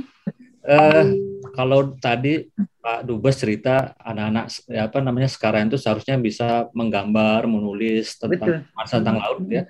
Saya jadi ingat eh, ini masa kecil saya. Saya ini termasuk anak-anak yang generasinya kalau menggambar tuh gunung, sawah, Betul. dan seterusnya gitu. Dan kalau boleh saya jujur nih Pak Dubes nih, saya curhat boleh. saya waktu masuk kuliah mengambil jurusan marine science Ya. itu adalah pilihan ketiga dan bagi saya sebenarnya adalah kecelakaan. Hmm. Jadi artinya loh saya tuh sering di, di, dijuluki teman-teman tuh tersesat di jalan yang benar gitu. Nah, Jadi dulu saya nggak punya passion loh belajar mengenai marine science itu ya. Dan kemudian begitu saya dapat itu saya saya anggap kecelakaan itu pilihan ketiga kuliah saya udahlah saya pasrah aja daripada nggak kuliah. Tetapi begitu saya lihat potensinya sekarang lah justru pada saat kita menguasai knowledge mengenai uh, marine, mengenai maritim ya kita bisa menguasai banyak hal. Nah ini yang mungkin kata Prof Edi tadi mungkin dulu saya nggak punya passion ini. Syukur-syukur aja di tengah jalan saya ketemu passionnya. nah kalau itu terjadi pada kalangan anak muda yang sangat banyak ya di, di apa atau generasi muda kita yang sangat luas. Wah ini sangat menyedihkan nih Prof Eti ini. Gimana cara kita itu tadi apa namanya mencoba membangkitkan. Nah tadi Pak Dubes sudah mendorong lah bagaimana memulai dari anak-anak itu tadi SD, TK, karena di situlah membentuk karakter mereka gitu ya. Nah ini menarik. Nah yang kedua saya melihat ini ada satu filosofi yang menarik tadi disampaikan uh, Pak Dubes juga, Bu Eti juga mengenai filosofi tanah air. Kita sih menyebutnya setiap tahun kita peringati itu Sumpah Pemuda itu tanah air. Kemudian setiap uh, ini kita uh, tanah satu apa lagu kebangsaan kita sebutkan tuh tanah airku Indonesia. Tapi kita nggak bisa paham gitu ya filosofi di balik itu. Nah, saya ingin mengupas tuntas ini nih. Seharusnya dengan kalimat tanah air itu kita bisa melihat suatu entitas bahwa kita bangsa Indonesia ini kulturnya melihat tanah, land atau pulau itu dan air atau laut itu sebagai satu kesatuan hidup gitu. Nah ini yang kita nggak tumbuh ke apa namanya kesadaran itu. Jadi menjadi kalimat yang biasa nih Prof ini. Tanah air itu menjadi hal-hal yang sehari-hari kita dengar dan kemudian nggak ada maknanya gitu. Tapi kalau orang asik tanah air, wah ini pandangan yang filosofis sekali nih melihat kesatuan hidup antara tanah dan air, antara daratan dan lautan. Dan di situlah sebenarnya knowledge mengenai eh, apa namanya manajemen sumber daya eh, kemaritiman itu sendiri gitu atau kelautan yeah. sendiri itu. Bagaimana melihat satu kesatuan hidup antara darat dan laut itu. Nah ini ini bagaimana nih cara kita mempropagandakan tanah air ini untuk bisa menjadi wawasan yang yang lebih apa namanya masif di kalangan pemuda dan kemudian memang mereka sadar itu filosofinya bukan hanya sekedar menyebut di mulut itu Pak Dubes tuh kan hmm. kita kadang hanya lepas di mulut ya selesai di, di, disebutkan kita nggak paham tuh uh, filosofinya nah, saya kira walaupun ini sederhana jadi jadi jadi menarik ini kalau ini salah satu yang menjadi uh, apa namanya jargon yang harus kita kembangkan bahwa kita bukan sekedar mungkin menyebutkan tanah air tapi pada saat kita menyebutkan tanah air, ada filosofi yang timbul dalam background pemikiran kita itu sebagai uh, suatu konsep tersendiri gitu. Bagaimana melihat laut dan darat sebagai satu kesatuan sehingga nanti pada soal teknologi, pada saat hukum, pada saat mungkin uh, sosial manajemen atau sosial budayanya hal itu menyatu di situ gitu sehingga nanti lahir dalam bentuk kebijakan-kebijakan di pemerintah dan sebagainya gitu. Nah ini yang oh, kata Pak Dubes iya. tadi kebijakan kita masih orientasi daratan, land based policy-nya masih kuat ini. Nah, ini jadi hmm. kerja keras kita tuh Mbak ini. Gimana nih Prof Eti nih pandangannya mengenai Ada uh, ya bukan pandangan ya Pak ya. Saya kebetulan meskipun sudah pensiun masih diminta untuk bantu ngajar gitu loh. Ya. Nah, ada satu mata kuliah namanya hukum sumber daya alam. Itu urutannya ketika darat dan air itu di belakang kan saya bilang kalian ini bodoh semua karena kita kita eh, ketika kita berbicara sumber daya alam, where do we start? Apakah dari air, sumber daya air, atau dari sumber daya darat? Dua-duanya kan? Nah, jadi sekarang saya dalam eh, mengajar hukum sumber daya alam ini sudah saya coba dosen-dosen muda ini yang pinter-pinter semuanya PhD, dokter dan sebagainya. Ya. Nah, itu untuk berpikir. Karena apa? Dalam urutan kuliah, mereka hmm. sumber daya air itu the end of the story. Hmm. Jadi bagian terakhir dari perkuliahan saya bilang harusnya itu lebih dulu. Hmm. Ya sekaligus juga dengan keinginan saya biar laut juga di touch gitu di situ kan sumber daya air juga di laut gitu kan ya, dan segala macamnya. Ya, jadi saya bilang itu kalau anda baca bukunya siapa sih namanya tuh Builder kalau nggak salah ya di hukum sumber daya alam itu selalu mengatakan pentingnya sumber daya air dan sumber daya yang mereka sebut sebagai land resources gitu. Nah, jadi ini harus di, uh, lebih dulu diketahui gitu. Nah, mungkin dari situ kita bisa kaitkan dengan kalau saya orang Sunda ya. Tanah air itu kata orang Sunda itu lemah cai. Hmm. Lemah itu darat dan cai itu air. Hmm.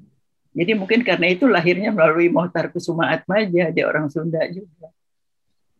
Tahu bahwa itu lemah cai gitu tanah air itu. Hmm. Jadi memang saya sampai hari ini selalu mencari kenapa sih kita menyebutnya tanah air dari dulu gitu.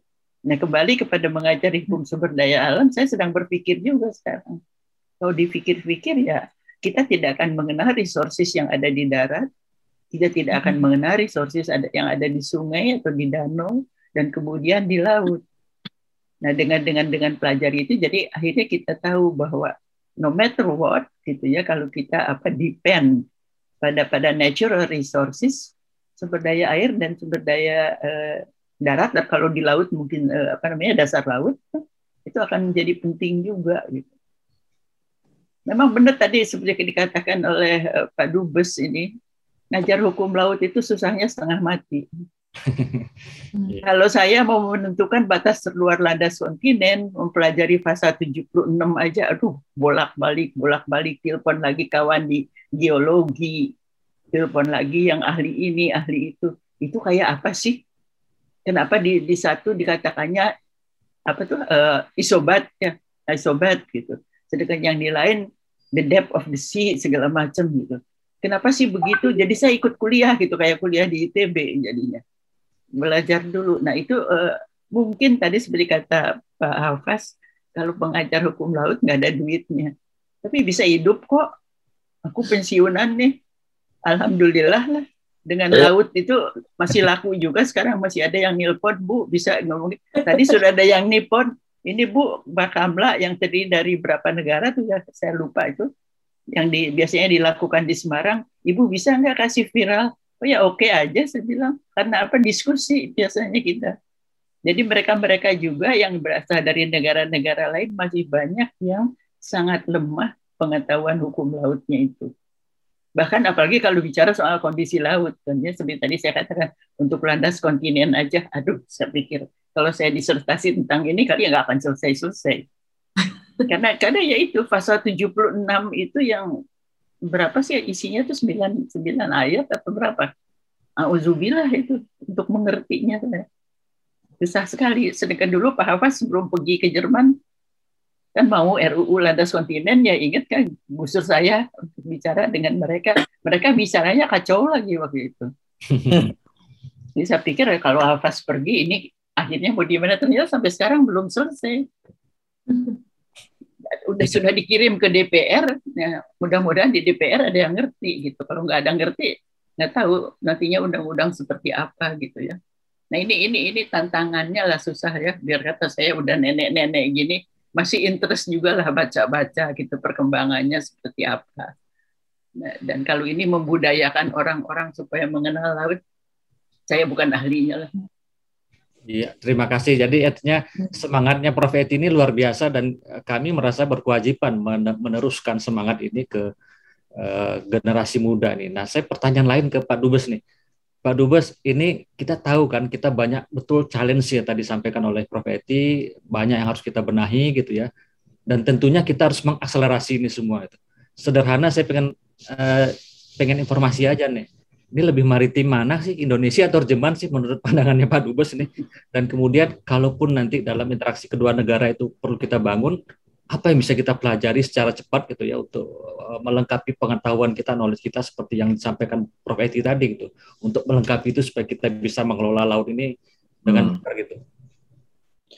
Jadi um, saya ingin kembali yang ke basic tadi mas. Jadi mindset ya, kemudian uh, land based thinking. Sebenarnya land based thinking itu bukan problem uh, bangsa Indonesia saja. Saya punya pengalaman tahun 2015 ke Paris, ikut dalam perundingan Paris climate change, ya kan.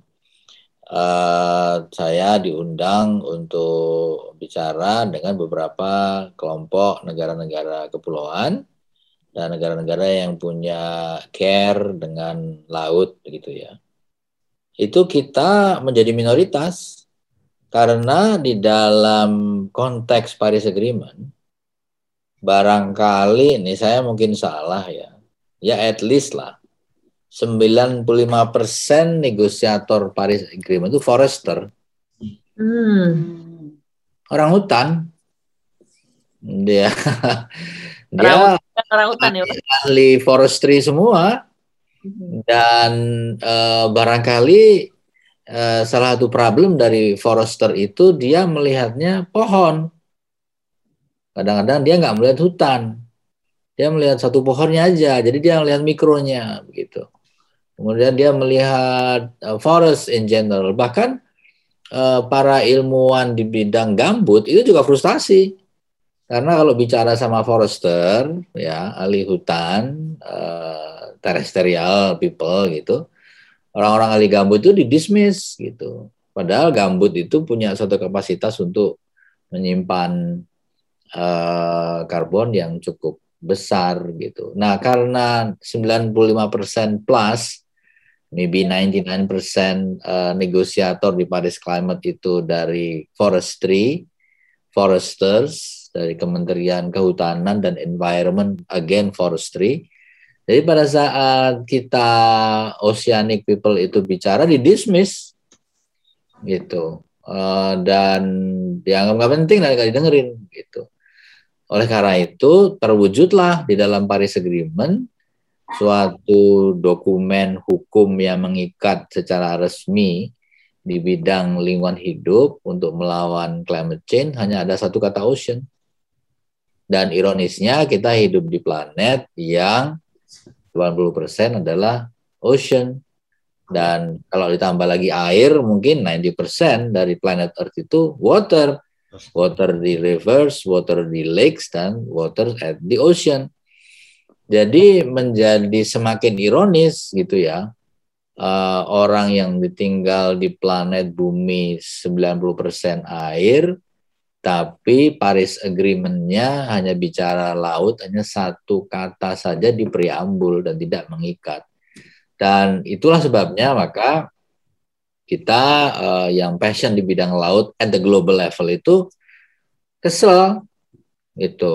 Nah, tapi kita kan nggak bisa cuma kesal aja kan. Jadi kita kesal dan berbuat sesuatu. Kemudian akhirnya Indonesia dengan Fiji waktu itu menggagas yang namanya SDG 14 Life Underwater dan itu hmm. dibuat di New York. Waktu itu Pak Luhut ke sana, saya dampingi beliau, Bu Susi ke New York. Jadi itu menjadi satu global movement untuk mengatakan kepada Paris Agreement bahwa you are wrong dan uh, kemudian sedikit-sedikit mereka mulai menerima gagasan Ocean lalu di Chile juga sudah mulai diterima dan uh, Chile menjadi Blue COP ya bukan Green or Forest COP tapi Blue COP dan nanti di Glasgow pun juga akan menjadi semakin blue COP-nya dan sekarang sudah ada working group mengenai dampak uh, laut atau laut yang diberi dampak atau masyarakat laut yang terdampak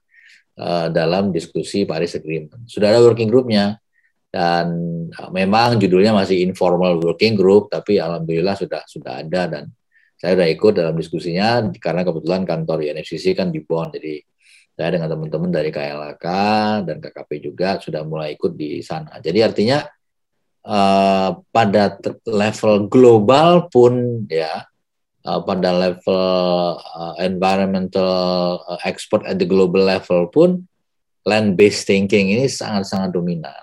Nah, apalagi di Indonesia ya, yang uh, kita mengalami uh, yang ada beberapa level edukasi, uh, beberapa bentuk apa namanya awareness yang masih rendah begitu. Jadi memang uh, kita harus konsentrasi pada the basics, which is to invest the younger generations mengenai uh, tanah air itu tadi gitu.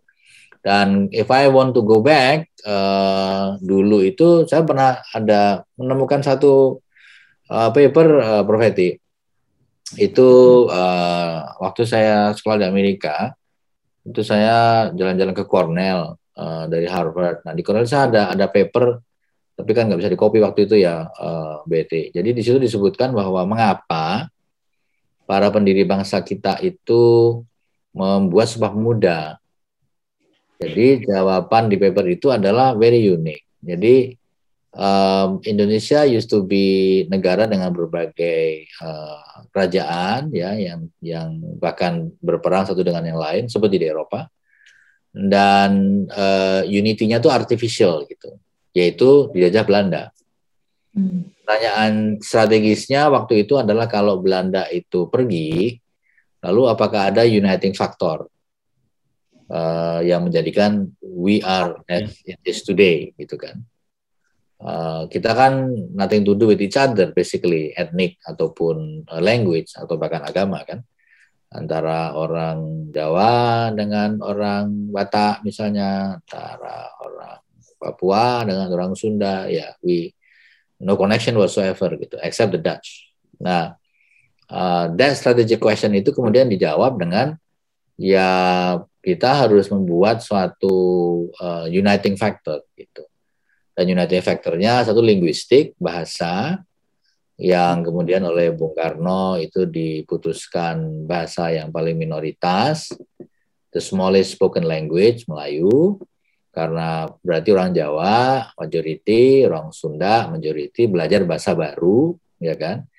Tidak sok dengan bahasanya. That's happened in different countries today. So di India misalnya uh, bahasa majoritinya uh, impose ya yang minority kita enggak itu. Kemudian uh, nationhood ya kan uh, which is difficult tapi disatukan kita bangsa bangsa Indonesia dan geografi tanah air jadi uh, tanah air as, as part of Indonesian geography itu sudah sudah sudah menjadi satu aspek uh, geopolitical thinking dari our founding fathers tahun uh, 1908 tahun 20-an. Yang menurut saya itu actually our first proclamations. Jadi kita bisa mendefine ourselves as uh, uh, apa as a nation of what we are today itu dari tahun 1908 itu. Karena sebelumnya kan semuanya uh, hanya bersatu karena dijajah Belanda. Dan kita proklamasi kedua, ya legally speaking adalah uh, 17 Agustus tahun 45 dan I would say proklamasi ketiga itu adalah tahun 82 saat uh, konsep negara kepulauan menjadi prinsip negara kepulauan ini uh, saya bolak-balik underline ini karena sampai hari ini pun masih saya sering dengar orang mengatakan konsep negara pulauan? Enggak. Sudah enggak konsep lagi. Sudah prinsip hukum internasional sudah. Uh, apa namanya uh, I think itu yang paling penting Pak Pak Pak Pak Wiro Pak Andreas. Jadi we need to go to the basics gitu. Karena the nature of human itu memang land based whether you like it or not gitu. hmm. Ah, dan itu global trend gitu. Bahkan pada konteks global negosiator di Paris Agreement pun juga behaviornya sama land based thinking. Jadi it's not entirely our fault lah gitu ya. Tapi what we need to do apa yang mesti kita uh, lakukan gitu. Dan Jerman sendiri dengan pantai yang kecil dia tetap land based country. Uh, yang dibangun oleh Jerman kan uh, kereta api, highway kan gitu kan uh, airports gitu uh, tidak seperti kita ada beberapa ports tapi kan juga uh, it's not a, a major ports gitu bahkan sekarang ini ada uh, rame di Jerman suatu pelabuhan kereta api yang link langsung dengan Cina di Duisburg gitu. Hmm. Apakah dari cara di sisi geopolitik ini akan tetap di maintain atau tidak? Tiap hari ada barang datang dari Cina dengan kereta api, dan vice versa gitu. Dan saya sudah coba sendiri.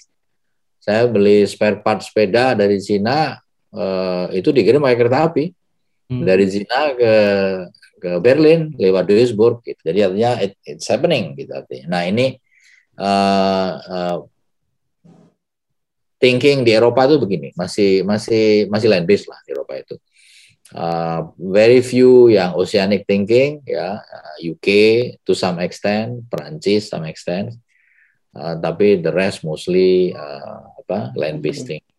Jadi uh, dengan Jerman yang bisa kita kembangkan ya teknologi-teknologi untuk mendukung ini ya uh, energi energi terbarukan gitu. Uh, misalnya di Jerman sudah di develop teknologi hidrogen untuk kereta api Nah, sekarang mereka akan mengarah teknologi hidrogen untuk kapal. Di kapal yang uh, green misalnya. Atau pelabuhan yang green, yang hijau. Nah, itu itu bisa lah.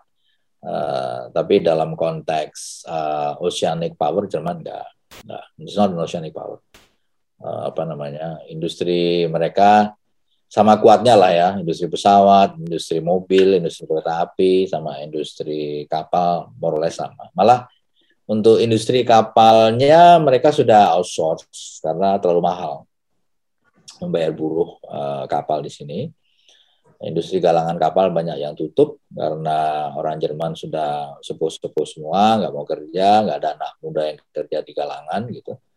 Hanya beberapa industri kapal militer yang stay, tapi banyak kapal-kapal sipil banyak yang out uh, industri kapal membuat kapal yacht itu udah out udah nggak ada lagi gitu karena masalah labor. Itu kira-kira. Tapi um, what we can do uh, untuk bangsa kita ya ya hopefully nanti yang dengerin podcast ini juga mengikuti podcast juga bisa berpikir juga uh, bagaimana kita invest pada generasi muda kita SD SMP itu uh, tuh to add menambah gitu ya tidak hanya land based thinking tapi juga uh, ocean uh, thinking um, bisa saya yakin bisa it's a question of strategy aja mungkin nanti bisa ngomong sama Mas Menteri Ya baik, terima kasih Pak. Ya. ya. menarik sekali ini.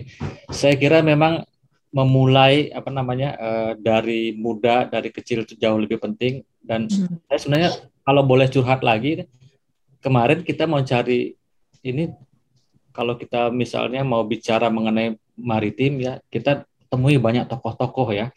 Ada Pak Mukhtar Sumat Baja, Pak Asim Jalal, atau apa.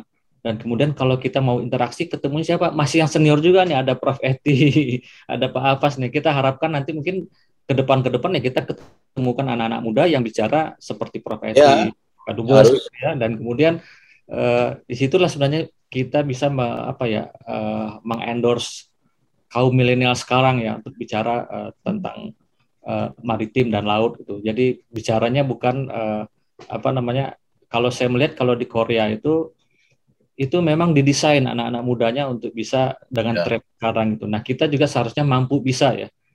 Untuk kalau boleh Pak Andreas, kalau saya usul um, pada level intelektual ya, uh, mungkin Menko Maritim bisa organize gitu uh, network uh, yang international law experts gitu. Atau yang international law teachers atau yang international law uh, apa ya uh, community gitu. Jadi mungkin uh, mungkin di level kalau di Kementerian Maritim ya mungkin level eselon 2, eselon 3 gitu kan. Kemudian di kampus mungkin ada dosen-dosen itu bikin network gitu. Nanti uh, diskusi secara reguler uh, mungkin nanti kita juga diundang saya a while profeti jadi kalau ada yang uh, perlu dibantu di pemahaman untuk meluruskan kan bisa juga uh, kita bantu. Kemudian kita encourage mereka untuk menulis uh, riset ya untuk menulis di apa uh, jurnal you know you, kita harus uh, push mereka supaya naik ke permukaan gitu. Dan uh, apa itu bisa diorganize sebenarnya. Dan tinggal dicari aja kan mungkin di Sumatera siapa dari usah di Jawa siapa di mungkin ada di Bali mungkin ada di Sulawesi mungkin ada di Papua. So uh, dengan Zoom kan lebih mudah lagi kan. Jadi network ini bisa dibuat di listing ya siapa ahlinya di maritim siapa di Kemlu siapa di KKP siapa, mungkin di SDM juga ada. Jadi you know uh, we can bring them together dan ada you know diskusi ya uh, yang yang menarik atau mungkin ada peer review gitu kan. Yeah. Misalnya uh, teman dari Sulawesi, oke okay, Anda nulis mengenai masalah lingkungan laut ya dari segi uh, apa uh, apa hukum lautnya dari sisi hukum nasionalnya misalnya, I don't know, tapi bisa di, bisa diciptakan lah thinkingnya gitu ya. Uh, we can create a roster of issue setahun, misalnya sebulan sekali ketemu, tiap bulan isunya ini, ini, ini, ini, siapa yang volunteer nulis, nah dan kita dengerin gitu kan, lalu uh, kita kasih komen, mungkin criticism, mungkin encouragement gitu. Jadi ini harus dibangun environmentnya gitu, karena memang Uh, bener sih uh, banyak yang telepon Bu Eti, Bapak Kamla, tapi kan Bu Eti nggak bisa beli Lamborghini. eh, wanna make money ya nggak. Kalau mau beli Lamborghini ya nggak kerja dari ahli hukum laut. mungkin kalau perspektifnya anak muda mungkin lebih ke uh, apa potensi ekonomi dari laut mungkin Pak Dubes. Bisa, bisa juga kan yang passion, passion ini kan, passion environment kan banyak juga. Ya. Ya, mungkin bisa ngajak artis-artis yang sedang diving gitu kan diajak banyak lah way way to uh, invite uh, people to think through intellectually karena hmm. isunya kan begitu banyak ya gitu atau mungkin kalau mau you go to next step sekaligus ya dari hasil diskusi itu uh, mereka Maritim bisa bikin jurnal.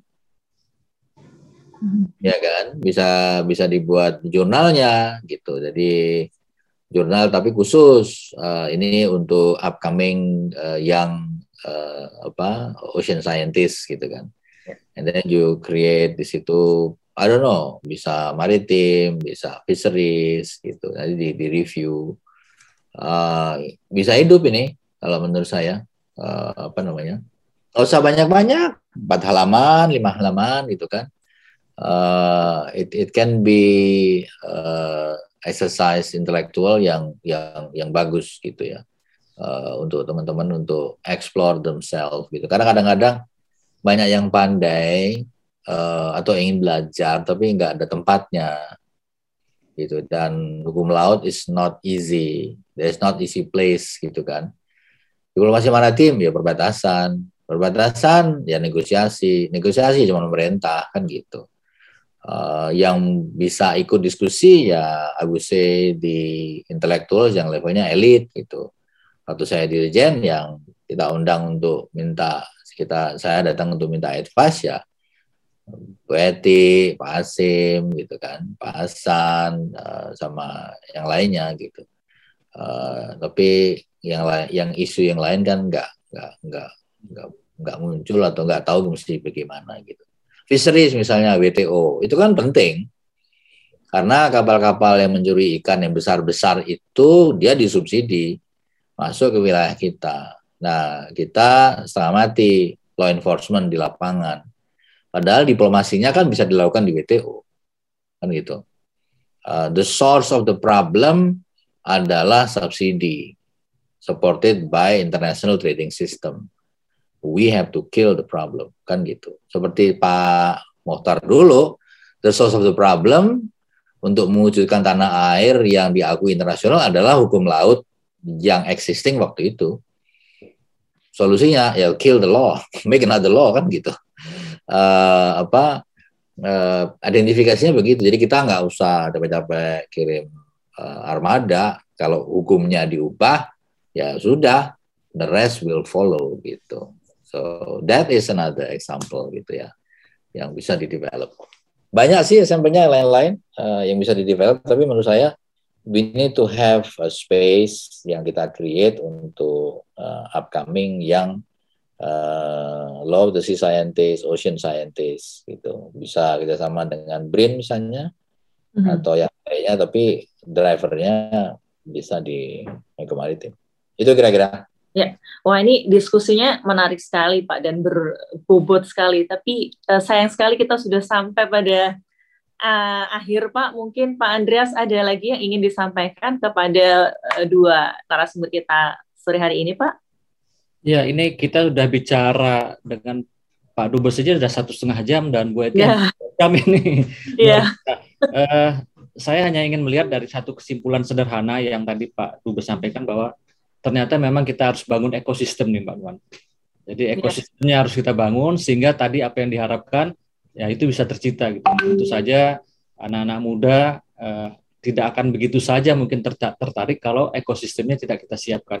Gitu. Ya. Nah, paling penting setelah ekosistem kita siapkan, tentu yang kedua kita akan coba kembangkan dalam bentuk jejaring atau network. Artinya saya melihat kita di sini pemerintah nggak bisa kerja sendiri nih. Perlu akademisi, perlu mungkin private sector, perlu juga mungkin yeah. teman NGO ya dan yeah. ya gitu. Sehingga uh, kolaborasi ini jejaring ini penting juga. Jadi setelah ekosistem kita bangun, jejaring kita siapkan dan mungkin ya pada satu titik baru kita menginventaris kembali nih uh, apa-apa yang menjadi tadi banyak sejarah sih sebenarnya dan bagi kita sebenarnya sejarah itu bukan sekedar hal yang untuk ingat atau dikenang, tetapi adalah pembelajaran yang luar biasa gitu. Nah, hmm. saya apa namanya uh, sangat menantang sekali kalau kita uh, tidak tahu bagaimana sejarahnya itu terjadi sehingga kita tidak tahu apa ke depan yang akan kita persiapkan. Luar biasa, uh, Prof. Eti, Pak Dubes, uh, diskusi hari ini. Mudah-mudahan upaya kita walaupun ngobrol-ngobrol santai ini Pak, dua jam, tiga jam, uh, bisa memberikan pencerahan uh, buat teman-teman kita dan kami yakin uh, karena di tempatnya Mbak Nuan sini podcastnya cukup ribuan ini yang mendengarkan nih setiap minggu ini. Jadi kita manfaatkan uh, karena ini merupakan ya. media anak muda sekarang nih. Kalau kita buat seminar, buat ini mungkin yang datang teman-teman dari kampus gitu ya. Tapi kalau anak-anak muda yang biasanya gemar dan jajat mungkin nontonnya melalui podcast seperti ini gitu. Setidaknya diskusi kita hari ini ya bisa mencerahkan lah walaupun mungkin tidak bisa merubah banyak hal tapi setidaknya ada yang tertanam di sanubari mereka setelah mereka mendengarkan banyak hal dari Profeti dan Pak Dubes. Dari saya itu Mbak Anwan mungkin uh, mau di closing silahkan. Okay. Iya, baik. Uh, baik, terima kasih. Terima kasih Pak Andreas, uh, Pak Dubes dan uh, Prof Eti uh, atas sharingnya pada sore hari ini. Uh, mudah-mudahan ini bisa bermanfaat buat uh, tim Marves kalian dan saya juga ingin mengucapkan pada tim Marves yang uh, mendengarkan podcast uh, Marves uh, episode kali ini uh, dalam rangka untuk memperingati Hari Maritim Nasional dan jangan lupa uh, untuk selalu saksikan uh, Marke, uh, Marves Podcast di hari uh, Jumat uh, setiap uh, dua minggu sekali uh, di YouTube channel uh, Kemenko Bidang Kemaritiman dan Investasi RI serta di uh, platform uh, Spotify. Uh, maritim kuat, Indonesia hebat, dan uh, salam maritim. Terima kasih, Bapak.